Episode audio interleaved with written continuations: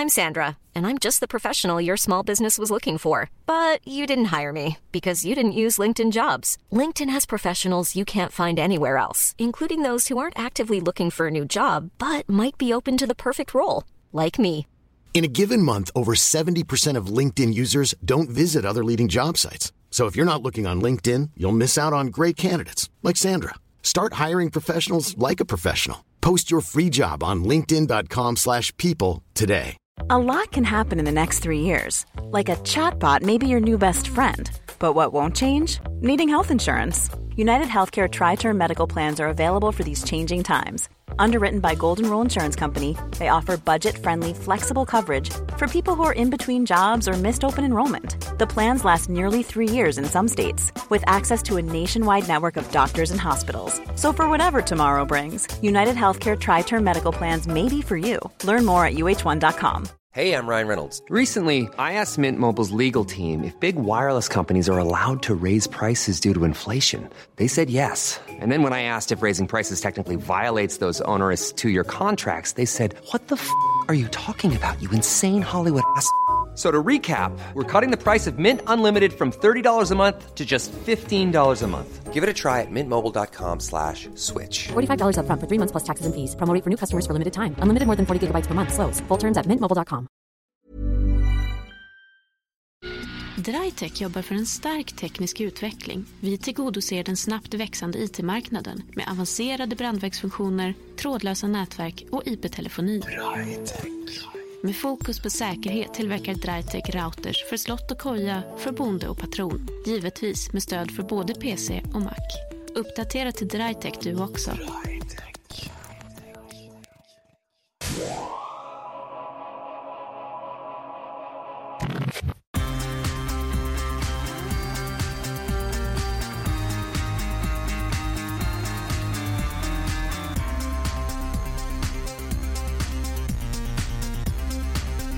Hej och välkomna till ett nytt spännande och som ni hörde kanske något mer kommersiellt avsnitt av Macradion med mig Peter Esse. Och mig, Gabriel Malmqvist. Vi har alltså välkomnat en sponsor med vars hjälp vi hoppas kunna göra Macradion till en ännu bättre upplevelse för alla er som lyssnar. Detta är ju inte det enda sättet på vilket vi har kommersialiserat vårt arbete. För våra lyssnare kan jag berätta att min vän och kollega Peter Esse i veckan har avslöjats som grundare och chefredaktör till ett nytt spännande initiativ på den svenska markscenen. Kan inte du berätta lite mer om detta projekt för våra lyssnare, Peter? Ja, det gör jag så gärna. Vilken, eh, vilken lycklig slump att just den programpunkten kom med här i, i, i Macradion. Eh, lite italienskt kanske. Men eh, iLove är en ny svensk Mac-tidning som riktar sig till alla de Mac-användare som kanske inte riktigt är lika hardcore som vi är. Som eh, kanske inte nödvändigtvis vet vem Steve Jobs är eh, till och med. Eh, iLove symboliserar väl lite eh, vad, vad, man anser eller vad man tycker om sina produkter från Apple. Eh, de är ju trots allt ganska älskade. Av de flesta i alla fall. Hur kommer det sig att ni satsar på en, en ny svensk Mac-tidning? Det är, det är väl framförallt för att det finns en, en målgrupp idag eh, som är de som ligger bakom Apples eh, marknadsandelar eh, mer än någon annan just nu. Och det är de här, det är de här nya Mac-användare som, eh, eh, som idag kanske saknar någon form av plattform. Eh, det finns en hel del olika sidor idag. Det finns Macfeber, där jag också jobbar för. Det finns 99 Mac, men som har, som har en garanterat mycket högre nivå än, än, än vad många behöver. Och eh, även Macworld är väl lite där. Den tidningen eh, har en viss del som riktar sig till nybörjare och så vidare, switches. Men också väldigt mycket eh, mer avancerade saker som till exempel test av databaser och sånt där.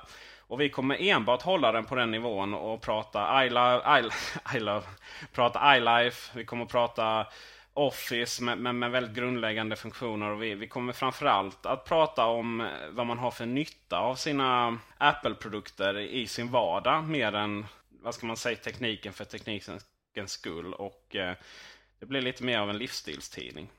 Ja, det låter ju spännande. Något att se fram emot. Var kan man komma över ett exemplar av den här tidningen och när kommer den att komma ut? Den kommer komma ut i, någon gång i oktober, i, mellan mitten och slutet av oktober. Och den kommer finnas hos eh, 20 av de största Apple Premium Reseller. Eh, det, det, vill säga de här Mac-butikerna som ploppar upp runt om i, i, Sverige. Men till en början med blir det eh, eh, Skåne, Stockholm och eh, Göteborg. Men förhoppningen och den absoluta satta målsättningen är att den ska finnas på hos så många möjliga av de här butikerna som möjligt. Sen kommer vi givetvis ta in prenumerationer och därefter får vi se lite hur vi ökar distributionsnätet. Men givetvis så ska vi se till så den som vill också ska få tag på den.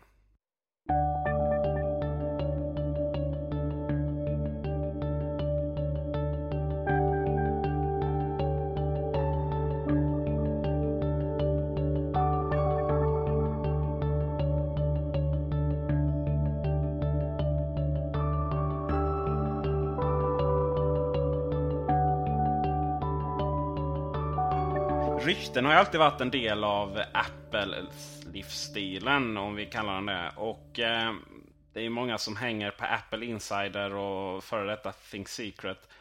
Men eh, nu har ju även eh, vanlig svensk mainstream media hängt på. Och eh, senaste som vi kunde läsa i e24.se, eller läsa på e24.se kanske man säger, är att det ska komma en iPhone Nano till jul. Och det här är givetvis så långt ut åt skogen man kan komma. Det kommer inte komma någon iPhone Nano till jul. Men den intressanta frågan är ju, är det verkligen eh, mainstream medias eh, roll att ägna sig åt Apple-rykten? Ska man eh, kanske lämna dem till det som har bättre koll? Eller vad säger du Gabriel? Alltså det här är återigen ett, ett bevis på hur eh, betydelsefullt Apple faktiskt har blivit de senaste åren. Jag menar som du sa tidigare så var ju eh, ryktespridningen kring, kring Apple-produkter och Apple-lanseringar förbehållet egentligen tre sajter enbart. Eh, Mac Rumors, Apple Insider och Think Secret. Och eh, att det nu har spridit sig till mainstream-median är ju verkligen ganska så fascinerande faktiskt. Och man ser ju hur de journalister verkligen kastar sig över ibland kanske väldigt osannolika rykten och publicerar dessa bara för att Apple, varumärket, och iPhone naturligtvis har blivit så väldigt hett. Eh, jag vill väl ändå hävda att eh, eh, från, att ha, från att rykten och så vidare har, har, har varit en del av eh, Apples framgång och, eh, och gjorts för människor som ändå kan hantera det och analysera och, och är genuint intresserade så blir det liksom någonting som skrivs i svensk dagspress. Och frågan är om det inte då kan skada Apple.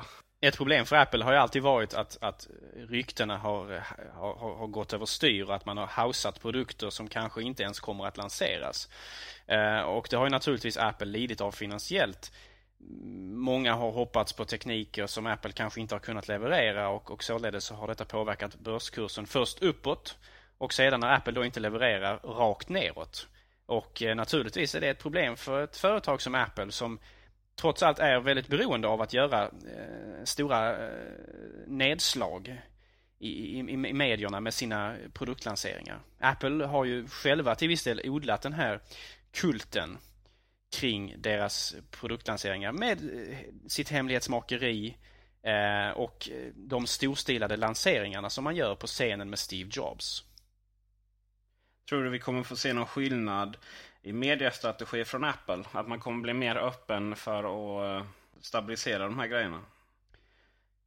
Vad som hände exempelvis när Apple gick över till Intel var ju att det blev genast mycket svårare för Apple att hålla eh, de nya kommande processorerna hemliga. Det, det går ju inte längre.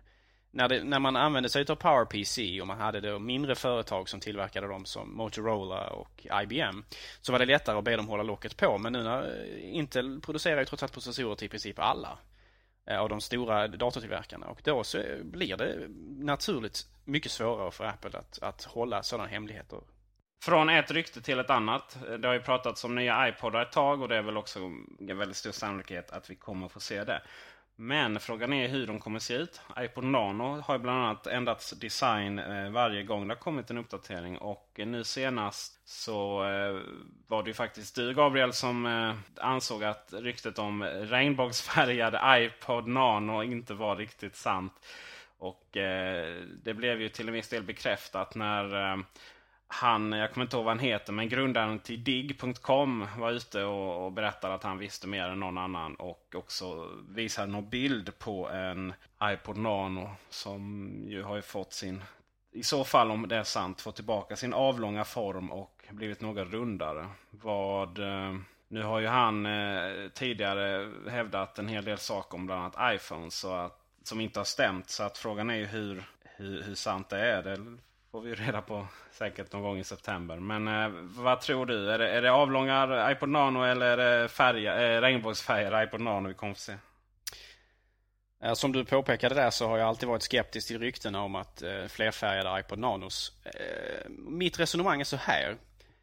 Apple, ledda utav Steve Jobs, är ute efter att göra tidlösa designer på sina prylar. Det ska vara enkelt och elegant. Och om man tittar exempelvis på den ursprungliga iMacen så kom den ju huvudsakligen i enkla färger. Det var blått, det var grönt, det var rött och så vidare. Och det blev väldigt populärt. Men de släppte ju även en iMac som var flerfärgad. Den förskräckliga eh, iMac, eh, Flower Power iMac. Jag menar, hur, hur, bra ser den ut idag? Jämför då detta med de ursprungliga iMacarna som var blåa och så vidare så ser de ju fortfarande faktiskt ganska okej okay ut. Men Flower Power iMac har ju verkligen inte åldrats väl. Så således så tror jag ju inte att de här kommer att satsa, att man kommer att satsa på någon eh, randiga eller regnbågsfärgade maskiner eller grunkor. Det, det kan jag inte tänka mig. Det var ju, vissa hävdade ju att eh, det var inte så att säga olika färger utan att det var färger som skiftade. Eh, beroende kanske alltså på hur man höll den och sådär va? Herregud, ännu värre. Så smaklöst. Uh, fler, uh, i, i, samma veva så började det pratas om uh, iTunes 8.0 och redan tidigare i veckan så var det en ny sätt att sälja musik som också kopplades till iTunes 8.0 nämligen iTunes Unlimited. Eh, så jag tänkte att, eller vi tänkte att vi skulle eh, tillbringa en hel del tid här och eh, spekulera och kanske också visa på vissa önskemål från iTunes som vi, vi vill ha. Men vi börjar med Gabriel. Du har, tycker att iTunes har utvecklats inte på det riktigt sånt sätt som du skulle velat. Nej, alltså iTunes är verkligen ett program som jag har kluvna känslor inför. Å ena sidan så är det självaste grunden för Apples framgångar vad gäller iPod och iPhone. Eh, och det är också Apples så att säga trojanska häst för att infiltrera Windows-världen med Apples programvara. Jag menar tack vare iTunes har Apple lyckats få användandet av både Quicktime och Safari att öka markant på, eh, på andra sidan muren. Men det finns också en baksida av den här utvecklingen som jag anser vara djupt olycklig. Tack vare att iTunes har blivit denna grund på vilken mycket annan teknologi vilar så har Apple tvingat på detta program mer och mer funktioner som det egentligen inte är utvecklat för att hantera. Om vi backar tillbaka lite grann och tittar eh, ur ett makroperspektiv. Apple har länge utvecklat programvara enligt den så kallade Unix-filosofin. Denna innebär att man istället för att snickra ihop ett program som gör allt så skriver man istället ett flertal fristående program där varje program har en eller väldigt få besläktade funktioner att fylla. Sedan använder man sig av bakomliggande teknik för att få programmen att utbyta information. På det här sättet blir programmen mindre och mera fokuserade. Som exempel på den här filosofin kan man nämna Mail, Adressboken och eh, iCal. Tre stycken väldigt strömlinjeformade program som gör ett fåtal saker väldigt bra. Men som samtidigt kan utbyta information i bakgrunden för att underlätta för användaren. Detta innebär att varje enskild programs användargränssnitt kan optimeras för sin tilltänkta funktion. Sätt sedan detta i kontrast mot Microsoft Outlook som ju är ett, ett mastodontprogram där man har pressat samman alla dessa funktioner under ett och samma tak.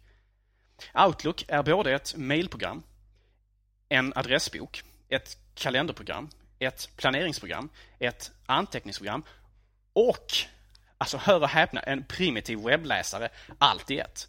Det säger sig självt att ett program med så många disparata funktioner får ett nästintill groteskt användargränssnitt. Men vad gäller iTunes, iTunes började sin karriär som ett musikhanteringsprogram. Och för denna funktion anpassades användargränssnittet. Sedan blev det också en synkningscentral för musik till iPod. Sedan synkade iTunes också kontakter och kalendrar till iPod. Sedan gjorde iTunes Store sitt intåg eh, och då tvingades ju iTunes också hantera både filmer och tv-serier. Eh, sedan blev iTunes också en synkningscentral för iPhone och i och med detta så fick iTunes också App Store. Vilket innebär att iTunes nu också ska hantera presentation, nedladdning och synkning av program till eh, sagda mojäng. Jag menar, var ska det hela sluta? Jag är benägen att hålla med dig. Där. Jag har väl inte jättemycket problem med att iPhone och sånt synkas där. Men eh, jag som sysslar väldigt mycket med eh, att göra om mina DVD-filmer till Apple TV och därmed lägga allting i iTunes har ständiga problem med det faktum att iTunes är en musikspelare från början och överhuvudtaget inte bör hantera video.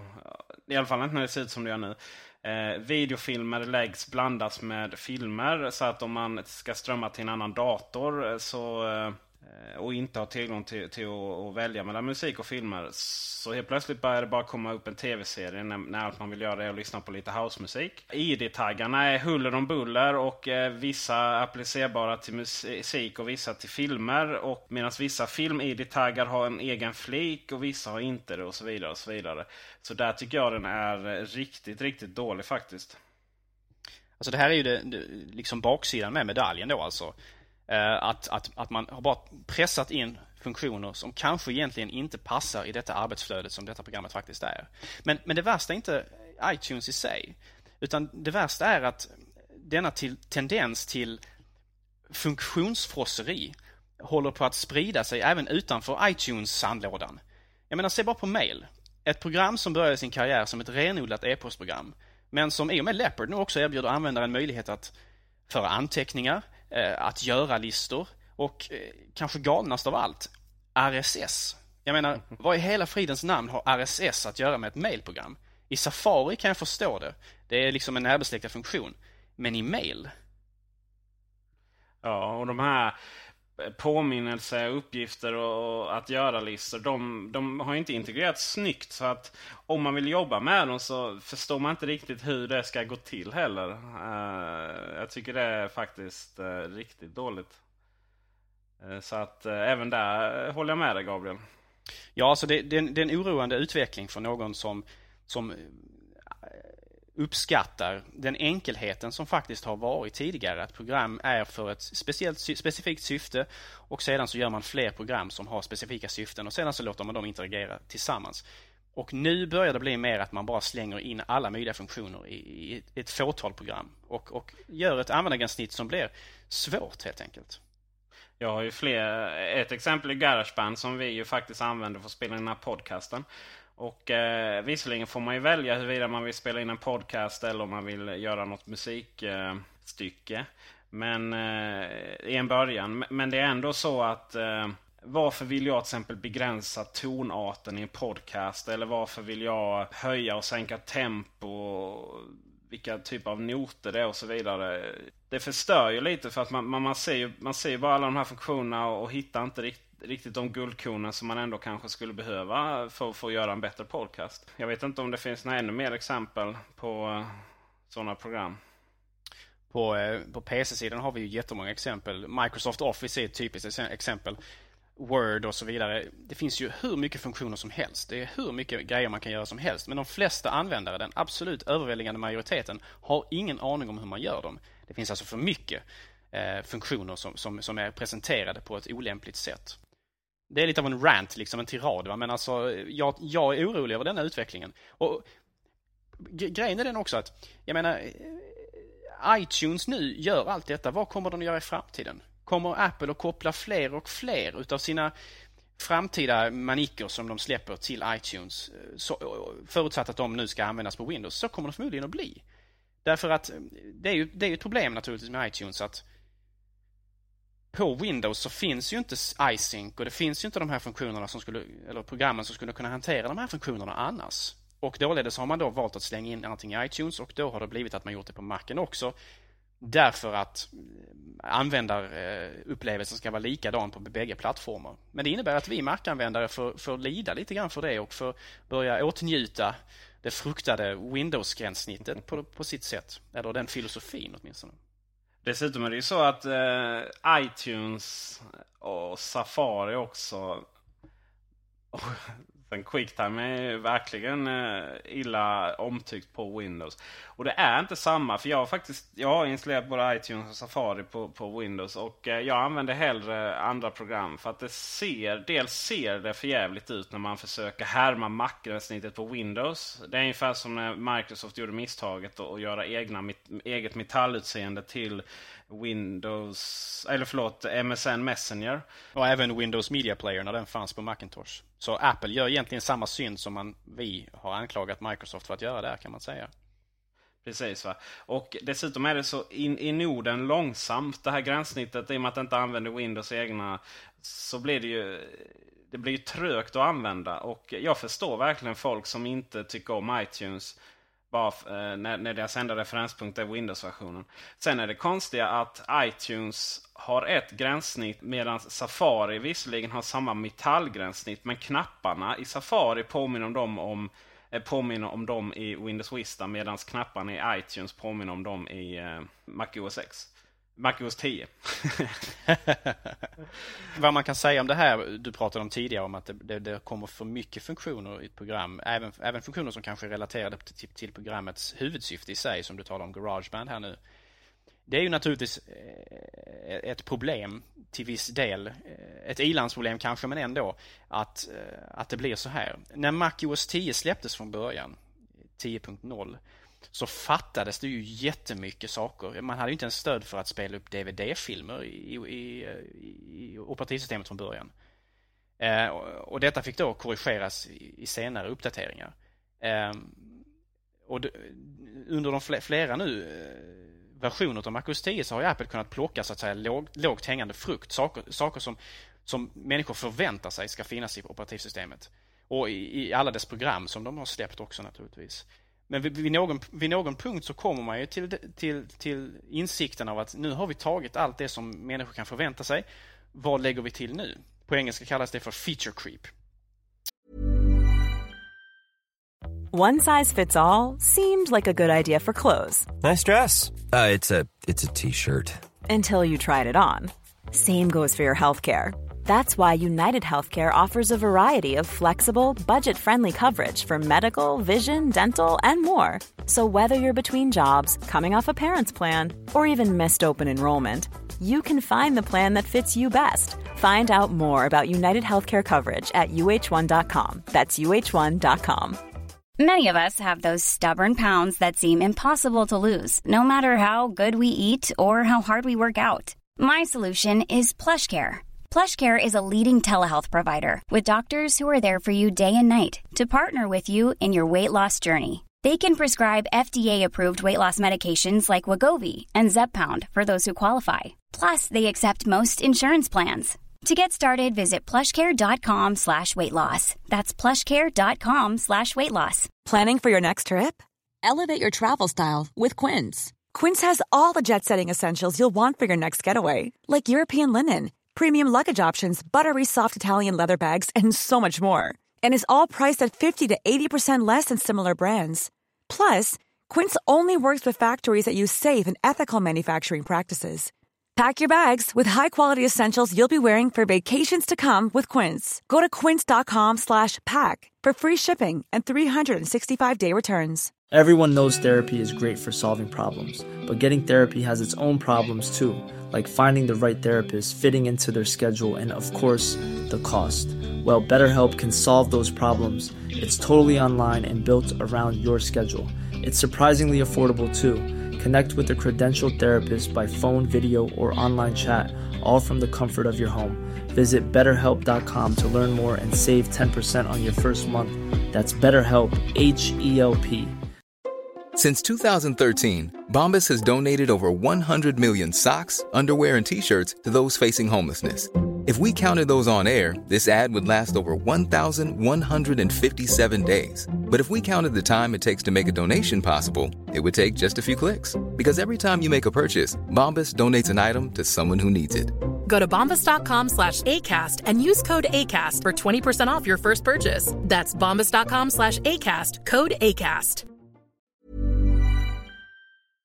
Ursäkta anglicismen, men det, det betyder alltså att, att, att vid någonstans så, så börjar man lägga på kanske för mycket funktioner egentligen. Att, att man, att det, det, man får ingenting tillbaka av de nya funktionerna. Det, färre och färre människor har någon användning för dem överhuvudtaget. Och det är naturligtvis en väldigt svår avvägning för en, en programutvecklare att göra, speciellt då när programmet har funnits i några år. Att man helt enkelt lägger till för mycket. Och då måste man kanske lära sig att man plockar bort funktioner som man har insett att väldigt få människor använder också. Och det, det finns ju vissa mm, utvecklare på, på Macen exempelvis som har lärt sig göra detta.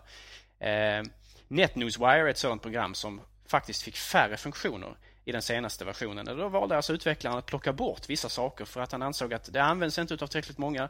Det, det, det, det gör användargränssnittet eh, stökigare och det, det, har inte tillräckligt mycket värde för att motivera sin fortsatta existens. Och detta kanske är någonting som Apple borde tänka över också vad gäller de programmen och kanske till och med operativsystemet som de har.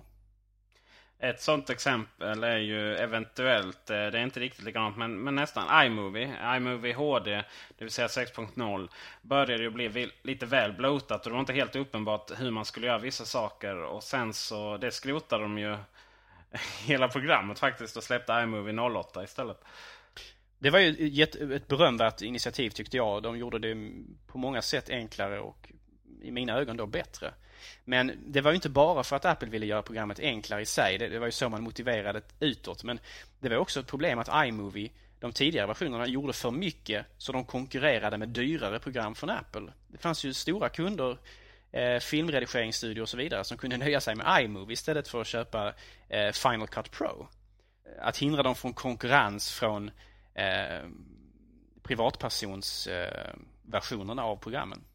Ja, och nu när vi då har spenderat eh, väldigt lång tid med att spy galla på iTunes utveckling så eh, kan vi väl avsluta med att eh, prata lite grann om sådana funktioner som vi kanske själv skulle vilja se läggas till programmet. Peter, du hade lite tankar kring detta? Ja, man utgår ju alltid från sig själv och eh, om nu iTunes ska vara den här mediahubben då är det väl lika bra att man gör det på riktigt. Det vill säga, idag är iTunes ett program som behöver vara igång för att man ska komma åt det från sin iPhone, få styra eh, till exempel sin AirPort Express, komma åt iTunes från Apple TV och så vidare. och så vidare. Varför gör man inte då en iTunes-server som man eh, kommer åt ifrån ja, alla datorer och alla olika enheter på nätverket. Tänk om man hade iTunes som, som program, som det är idag, men kanske lite mindre funktioner då, som vi, som vi diskuterade innan. Och när man startar det så får man antingen välja sitt lokala bibliotek eller att koppla upp till iTunes-server. Så att om hela familjen har en iTunes-server och eh, sen så sitter man vilken dator som helst så har man exakt samma bibliotek. Och den servern borde givetvis vara en del av Unix-systemet så att den alltid är igång även om ingen är inloggad och så vidare. Sen så är det givetvis det här med att eh, iTunes måste börja dela upp filmer och musik. Eh, jag tycker det är oerhört irriterande det jag berättade om innan. Att, att man eh, blandar ihop, särskilt den här när det kommer till metainformationen, det vill säga id-taggarna. Så jag skulle vilja ha en extremt väldigt klar och tydlig distinktion mellan musik-iTunes och film-iTunes. Sen skulle jag också vilja att App Store, eller förlåt, iTunes Store blev lite logiskt. Det är också en stor önskan. Om jag menar bara att man ska söka på ett program eller, eller en låt och så kommer, eh, så kommer allting presenterat. Kanske något program där, någon podcast där och så vidare. och så vidare tycker det är oerhört uh, icke-Apple-likt att behöva söka upp någonting i iTunes Store. Sen så uh, kommer vi väl sväva in lite på rykten igen då. Och uh, iTunes Unlimited som ju är, har diskuterats lite innan. Men den senaste som gjorde nu att alla sajter började skriva om dem var faktiskt ett anonymt mail till ett flertal olika sajter. Så man kan väl säga antingen har alla rätt eller har ingen rätt. Och iTunes Unlimited är ju i så fall en tjänst där man kan prenumerera på musik. Man betalar månadsavgift och eh, enligt samma källa så ska man få... Nej, man betalar en årsavgift, förlåt. Och enligt samma källa så ska man få eh, rabatt om man är Mobile Me-användare. Vad den gör är att man helt enkelt betalar en avgift och sen får man ladda hem så mycket musik man vill. Och eh, när man slutar betala så kan man inte längre lyssna på musiken. Och ni som har lyssnat på tidigare avsnitt vet ju att jag i alla fall är oerhört skeptisk till en sån här modell. Vad händer om Apple går i konkurs? till exempel? Vad tycker du om eh, prenumerationsmodellen Gabriel? Vill du äga din musik eller vill du låna den? Jag är väl egentligen eh, viss förespråkare av att äga också. Eh, det är lite intressant det här. Steve Jobs har ju motiverat avsaknaden av en prenumerationstjänst i iTunes med att, som du säger, motivera att människor verkligen vill äga sin musik. Och däremot har han sagt att människor inte tvunget vill äga sin, sina filmer och sin, sina serier utan att det passar sig bättre för just hyrfunktionen. Därför att man ser en film kanske högst en, två gånger. Medan musik lyssnar man på ett nästan oändligt, oändligt antal gånger, eller åtminstone väldigt mycket. Ehm, det ska bli intressant att se vad som händer här. Det vore ju i så fall inte första gången som Steve Jobs går ut och eh, blånekar till en plan som sedan Apple faktiskt visar sig ha. Eh, det ingår ju naturligtvis i eh, mediamanipuleringen. Eh, att man inte vill avslöja för mycket av sina planer till konkurrenter och så vidare. Men ja, det ska bli intressant att se. I vilket fall som helst så är det ju så att eh, enligt samma källa så är det framförallt amerikanska iTunes Store man kommer börja med det här i. Och eh, så oberoende vad så lär det dröja innan vi svenskar eh, får chansen att prova.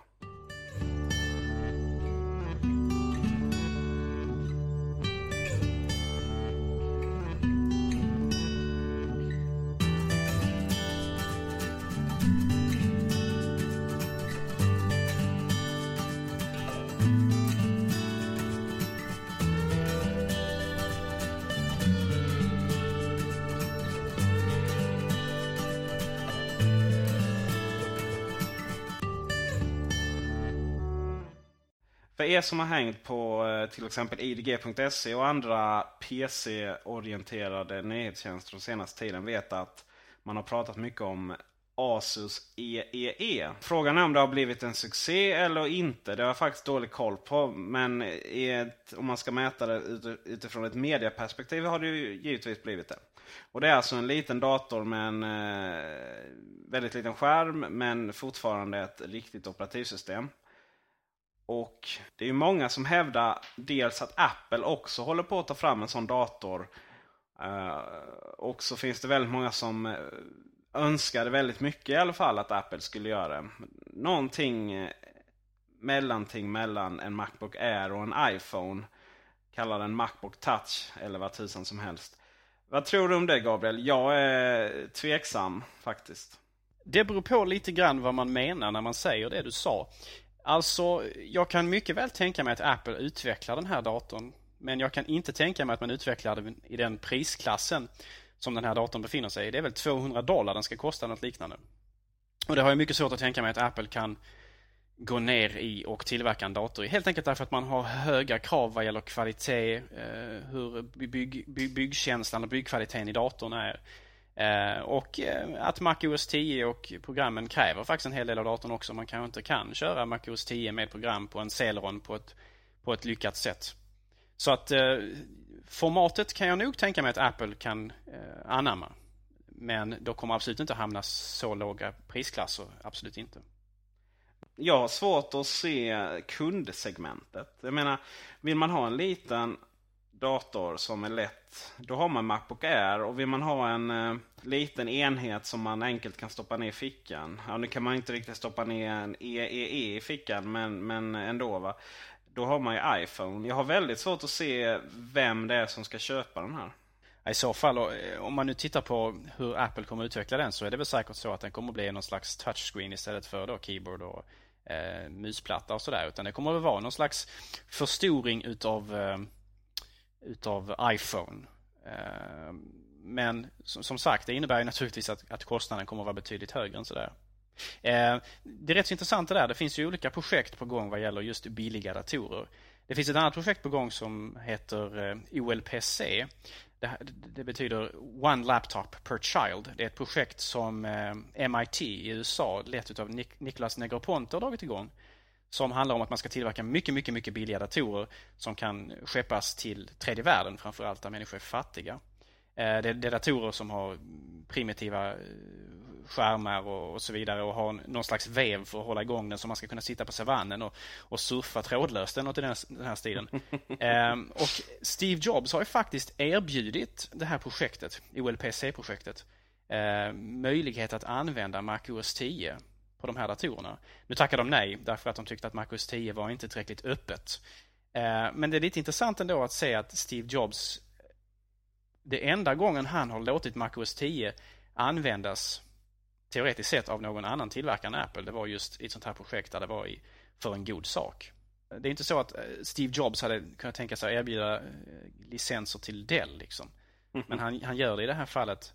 Jag menar, man får ju ha i åtanke att Mac OS 10 är ju kronjuvelen i, i, i, i, i Macintosh-branschen eller i, i den segmentet av Apples eh, produkter som är Macintosh. Eh, det är ju det som gör att vi köper deras datorer. Hade en Mac använt Windows XP eller Vista eller vad det nu kan vara så hade inte jag köpt den bara för att den ser bättre ut. Utan det är operativsystemet med tillhörande program som är det viktigaste. Det är faktiskt inte eh, första gången Apple ge sig in i branschen eh, välgörande ändamål. Eh, det är inte riktigt samma sak, eller inte ens i närheten av samma sak. Men eh, när det var stora skogsbränder i, bränder i Kalifornien så eh, då var det en hel del eh, unga människor som förlorade alla sina ägodelar. Och eh, Apple erbjöd sig faktiskt eh, och skicka gratis iPodar till dem. För iPod är ju verkligen en livsnödvändighet så där gjorde ju verkligen Apple en insats. ja, för amerikanska ungdomar i alla fall. Så kanske ja, okay. den lika stor livsnödvändighet som en, eh, en minidator till savannen. Ja, varför inte? varför inte? Nu svävar vi ut lite härifrån ämnet. Men, eh, och därför är det väl lika bra att fortsätta. Till nästa, eh, till nästa nyhet. Och det är att Jerry Seinfeld ska göra Windows Vista-reklam. Och eh, enligt eh, de här artiklarna så är det också mot Apple. Det vill säga den är, eh, app, eh, Microsoft lägger upp hela kanondäcket på sitt slagskepp och skjuter iväg mot Apple. Och då är ju frågan, är det här rätt? Tycker vi. Och gör Apple rätt när man har gjort exakt samma sak mot Microsoft i alla dess år?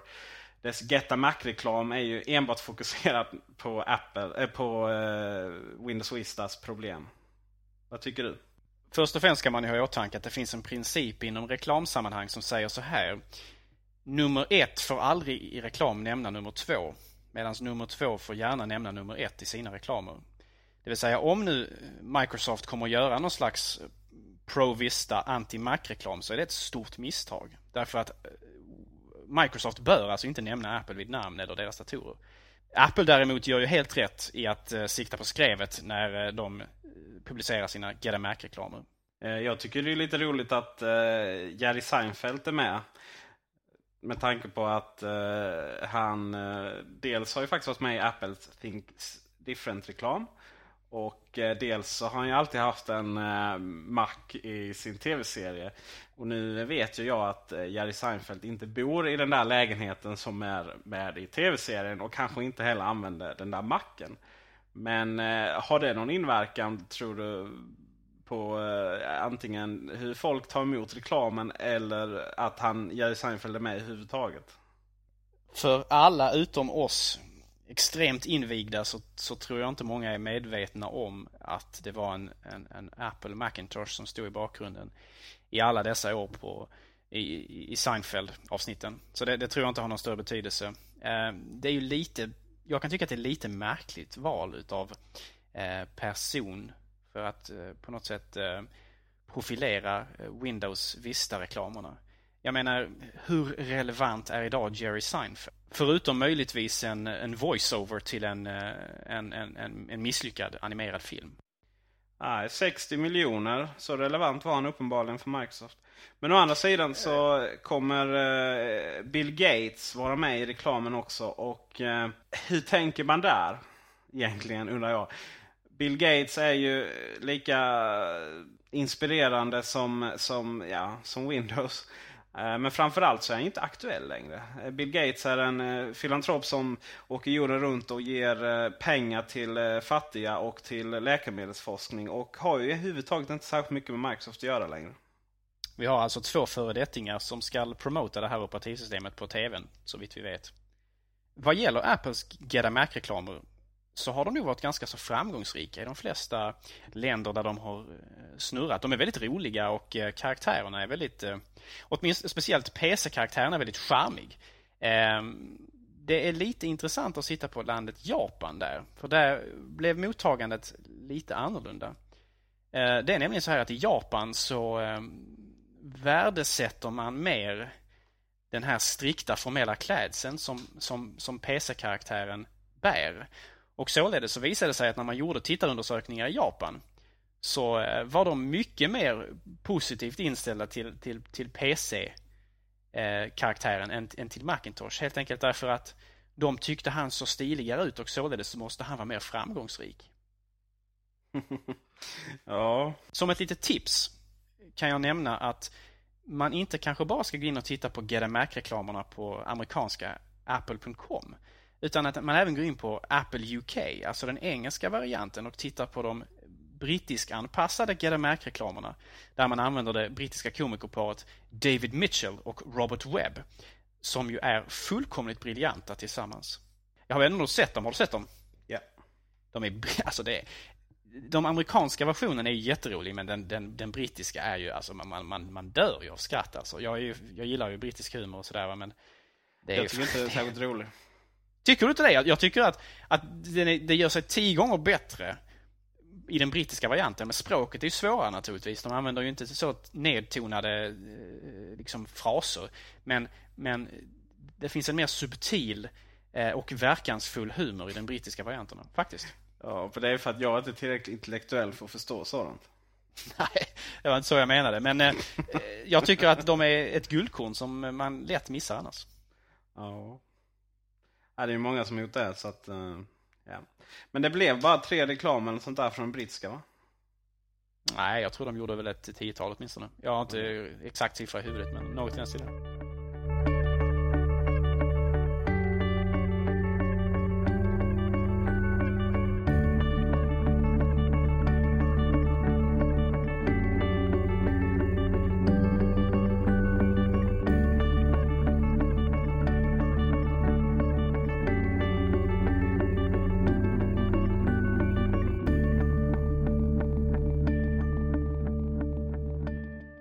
I veckans programtips vill jag återanknyta till det vi pratade om innan, iTunes metataggar. Och eh, det är när man rippar sina DVD-filmer och framförallt tv-serier så vill man ha ett smidigt sätt att lägga in rätt eh, metainformation i dem. Det vill säga titel, beskrivning, ja, vad som helst. Artister, skådespelare, vilken eh, del i säsongen det är och så vidare. Och så vidare va?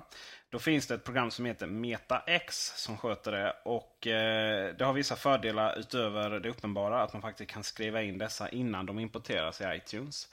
Och eh, Det finns även en databas som man kopplar upp till. Som när andra har rippat en film och skrivit in informationen innan. Så slipper man göra det själv. Man bara trycker på få filmen och få in allt detta automatiskt. Och så kan man köa upp hur många filmer och tv-program som helst. Eh, ändra det man ska ändra och sen så trycker man starta och så går man och tar en kopp kaffe. Sen när man kommer tillbaka så ligger allting i iTunes fint och snyggt. Ja, den här veckan så vill jag gärna passa på att, eh, att pusha för ett litet program som heter Awaken. Awaken är ett, eh, ett, ett väckningsprogram till Macintosh som har ett, ett väldigt läckert användargränssnitt och ett, en hel del användbara funktioner. Eh, det tillåter bland annat eh, att man kan väcka eh, Macen från sitt sömnläge så att man kan låta datorn gå in i sömnläge precis som en själv när man sover och sedan så loggar programmet in en och startar valfritt iTunes-spår eller liknande för att väcka en. Så man kan helt enkelt väckas med lite trevlig musik. Det tycker jag är jättetrevligt.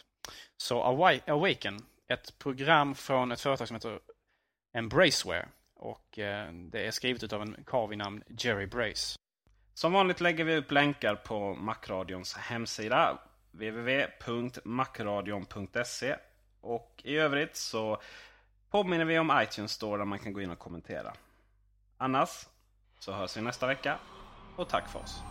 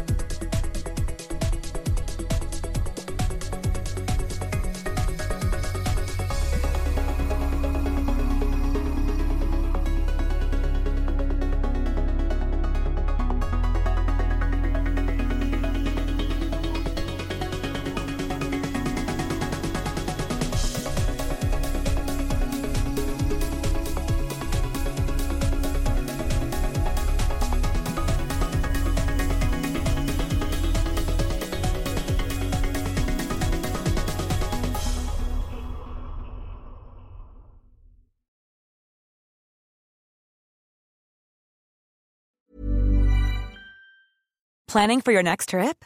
Elevate your travel style with Quince. Quince has all the jet setting essentials you'll want for your next getaway, like European linen, premium luggage options, buttery soft Italian leather bags, and so much more. And is all priced at 50 to 80% less than similar brands. Plus, Quince only works with factories that use safe and ethical manufacturing practices. Pack your bags with high-quality essentials you'll be wearing for vacations to come with Quince. Go to quince.com slash pack for free shipping and 365-day returns.